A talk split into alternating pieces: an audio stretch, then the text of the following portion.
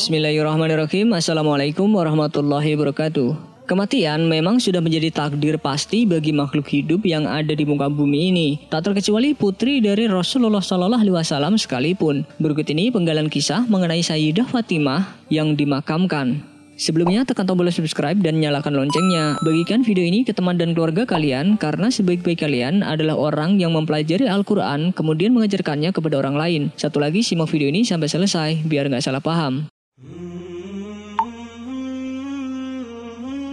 Dikutip dari Duratun Nasihin fi Waji wal Irsyadi karya Syekh Usman bin Hasan Al-Kaubawi dikisahkan bahwa saat Sayyidah Fatimah Az-Zahra wafat, jenazah putri kesayangan Rasulullah SAW dibawa oleh empat orang-orang soleh. Di antaranya suaminya sendiri yakni Sayyidina Ali, kedua putranya Hasan dan Husain, lalu sahabatnya Abu Zar Al-Ghifari. Suatu ketika, jenazah Sayyidah Fatimah tiba di samping liang kubur dan siap dikebumikan. Abu Zar Al-Ghifari langsung berkata kepada liang kubur yang akan menjadi tempat peristirahatan terakhir Sayyidah Fatimah. Wahai kubur, apakah kamu tahu jenazah siapa yang kami bawakan kepadamu? Ucap Abu Zar Al-Ghifari. Tanpa panjang lebar, Abu Zar Al-Ghifari pun melanjutkan ucapannya. Ini adalah jenazah Sayyidah Fatimah, putri Rasulullah, istrinya Sayyidina Ali, dan ibunda Hasan dan Husain, tegas Abu Zar. Tidak lama kemudian, orang-orang yang mengantar jenazah Sayyidah Fatimah langsung mendengar suara dari dalam kubur. Aku bukanlah tempat bagi keturunan orang terhormat, bukan pula tempat bagi keturunan orang kaya. Aku adalah tempat amal soleh, maka tidak akan selamat dariku kecuali orang yang banyak berbuat kebaikan, orang yang hatinya bersih, dan orang yang ikhlas dalam beramal. Tentunya kisah ini mengajarkan kita bahwa yang akan menyelamatkan seseorang di alam kubur dan akhirat kelak bukan karena faktor keturunan, melainkan karena amal soleh. Jangankan kita manusia biasa, Sayyidah Fatimah binti Muhammad Shallallahu Alaihi Wasallam pun ketika akan memasuki alam kubur tetap harus melewati syarat yang telah ditetapkan. Cerita tersebut kian menegaskan firman Allah bahwa sesungguhnya yang paling mulia di sisinya adalah mereka yang paling bertakwa. Quran Surat Al-Hujurat ayat 13. Suatu ketika, Aisyah radhiyallahu anha pernah bertanya kepada Rasulullah Shallallahu alaihi wasallam apa yang harus diucapkan ketika bersiarah ke kubur. Rasul pun berkata, "Ucapkanlah assalamualaikum wahai penghuni kubur dari kalangan mukminin dan muslimin. Semoga Allah merahmati orang yang telah meninggal dan yang masih hidup dan insya Allah kami akan menyusul kalian." Hadis riwayat Muslim. Dalam hadis ini, Nabi Shallallahu Alaihi Wasallam menganjurkan untuk memberi salam kepada penghuni kubur, dan beliau tidak menyebutkan apakah mereka mendengar salam itu atau tidak.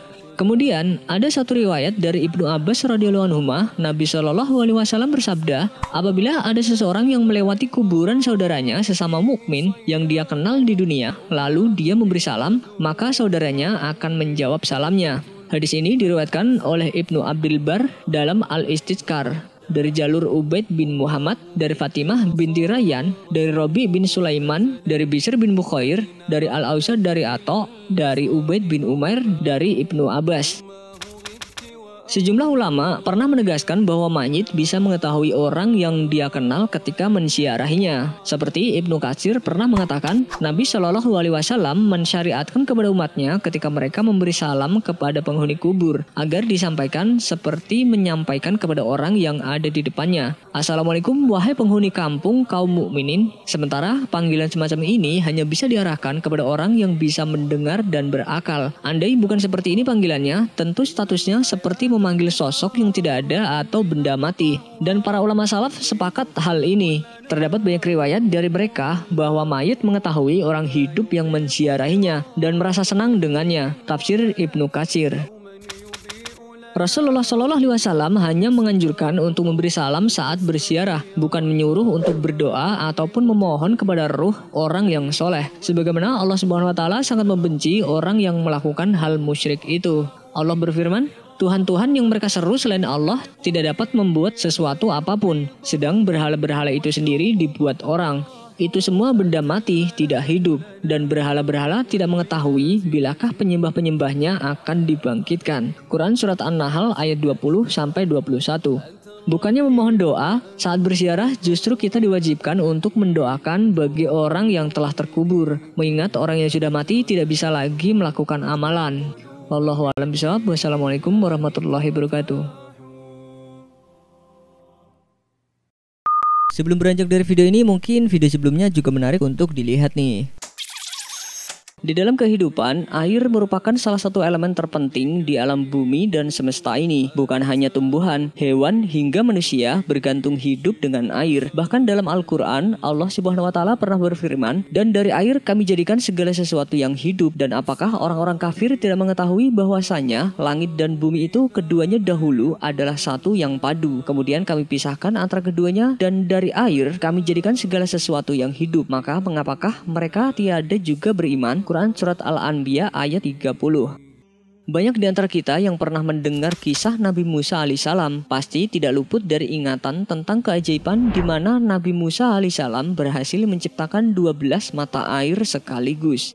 Dikisahkan bahwa setelah terlepas dari kerajaan Fir'aun dan pengikutnya yang tertelan Lautan Merah, Nabi Musa alaihissalam bersama pengikut setianya melanjutkan perjalanan hingga sampailah mereka di Gunung Sinai yang cukup teduh dan nyaman untuk beristirahat. Di gurun itu banyak pepohonan yang tumbuh tinggi dan rindang sehingga dapat berlindung dari sengatan matahari yang cukup terik.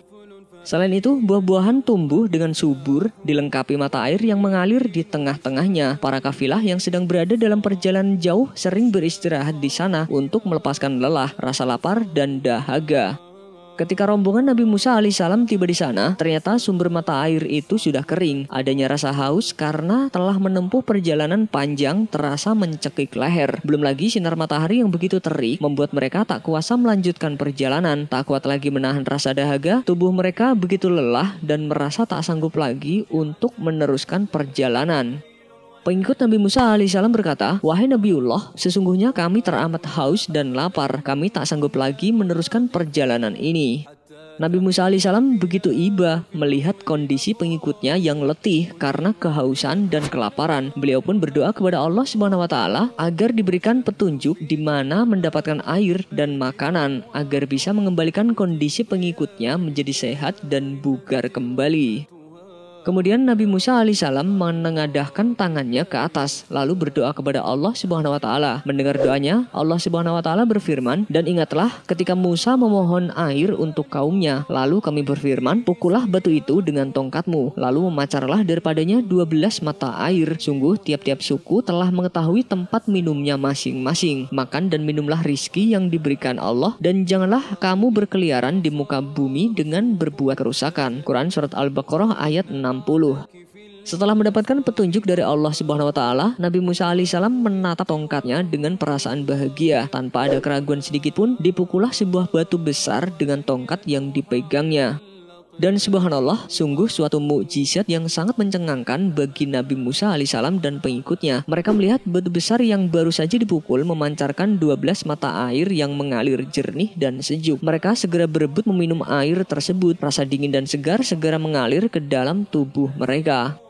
Allah Subhanahu wa taala ternyata memiliki maksud lain di balik pancaran 12 mata air tersebut. Selain untuk menghilangkan dahaga para pengikut Nabi Musa alaihissalam, namun kaum Bani Israel di kemudian hari terpecah menjadi 12 kelompok sehingga air itu mengalir terus pada masing-masing kelompok dari Bani Israel seperti yang dikemukakan dalam Al-Qur'an dan mereka kami bagi menjadi 12 suku yang masing-masingnya berjumlah besar dan kami wahyukan kepada Musa ketika kaumnya meminta air kepadanya. Pukullah batu itu dengan tong tongkatmu, maka memancarlah daripadanya 12 mata air. Sesungguhnya tiap-tiap suku mengetahui tempat minum masing-masing, dan kami naungkan awan di atas mereka, dan kami turunkan kepada mereka mana dan salwa. Kami berfirman, makanlah yang baik-baik dari apa yang telah kami rizkikan kepadamu. Kami tidak menganiaya mereka, tapi merekalah yang selalu menganiaya dirinya sendiri. Quran Surat Al-A'raf ayat 160 Lagi-lagi kebesaran Allah taala ditunjukkan di era modern ini. Sebuah video yang diunggah oleh akun Facebook Arab bernama Kanat Salam menjadi bukti bagaimana keajaiban Al-Qur'an. Dalam video tersebut terlihat ada seorang pria membacakan ayat suci Al-Quran di kawasan pegunungan dan tahu apa yang terjadi selanjutnya. Selang berapa lama, tebing gunung tersebut mengalirkan air yang cukup deras. Ya,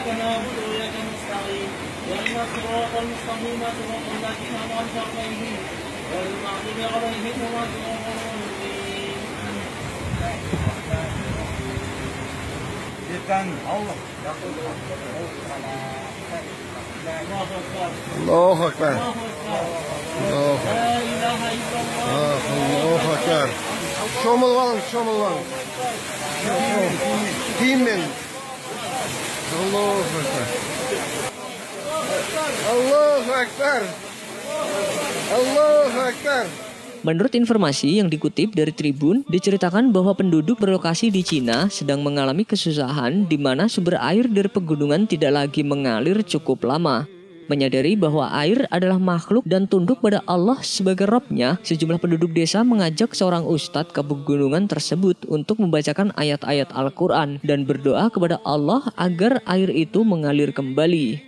Dalam video berdurasi sekitar 5 menit tersebut, tampak sang ustadz membacakan surat Al-Fatihah, ayat kursi, dan surat Al-Ikhlas. Setelah itu, ia berdoa memohon kepada Allah agar menolong penduduk desa dari kekeringan. Dan subhanallah, beberapa menit setelahnya, air terlihat mengalir cukup deras dari atas tebing gunung tersebut. Wallahu alam bisawab. Wassalamualaikum warahmatullahi wabarakatuh. Sebelum beranjak dari video ini, mungkin video sebelumnya juga menarik untuk dilihat. Sebenarnya bagaimanakah hukum memejamkan mata saat sujud dan apa manfaatnya?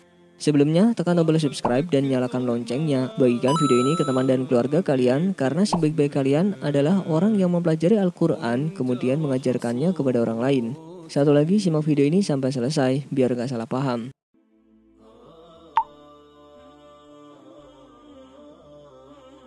Dalam melaksanakan sholat, tentunya kita harus khusyuk. Maka dari itu, banyak umat muslim yang mengatasinya dengan cara memejamkan mata saat sholat termasuk sujud.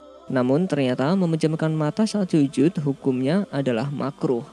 Seperti yang dikutip dari ceramah Buya Yahya dalam akun YouTube Al-Bahjah TV, beliau menyebutkan dalam keadaan normal jika memejamkan mata dan tidak memejamkan mata sama saja, maka dianjurkan lebih baik membuka mata. Namun, jika saat di sekitar mengganggu konsentrasi sholat, maka diperbolehkan memejamkan mata. Jadi hukumnya makruh.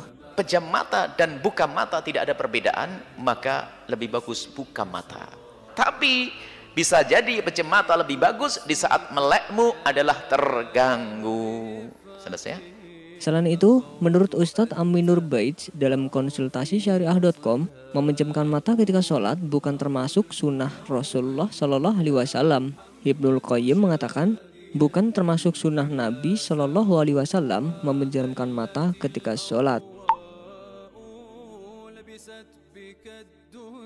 Sujud merupakan bagian dari sholat, maka bagaimana kondisi mata ketika sujud sebaiknya mengikuti apa yang dilakukan oleh Rasulullah Shallallahu Alaihi Wasallam ketika beliau sholat. Seperti yang dijelaskan dalam hadis berikut, Aisyah radhiyallahu anha berkata, Rasulullah Shallallahu Alaihi Wasallam masuk Ka'bah untuk mengerjakan sholat dalam keadaan pandangan beliau tidak meninggalkan tempat sujudnya atau terus mengarah ke tempat sujud sampai beliau keluar dari Ka'bah. Hadis riwayat Al-Hakim. Dari hadis tersebut bisa kita simpulkan bahwa Rasulullah Shallallahu Alaihi Wasallam dengan mata terbuka selalu melihat tempat sujud pada saat sholat. Bukan hanya untuk mengikuti anjuran, membuka mata saat sujud ternyata memiliki manfaat. Salah satunya adalah untuk mengobati otot mata yang lemah. Jika otot mata lemah, biasanya akan menyebabkan ketidakmampuan dalam melihat secara akurat.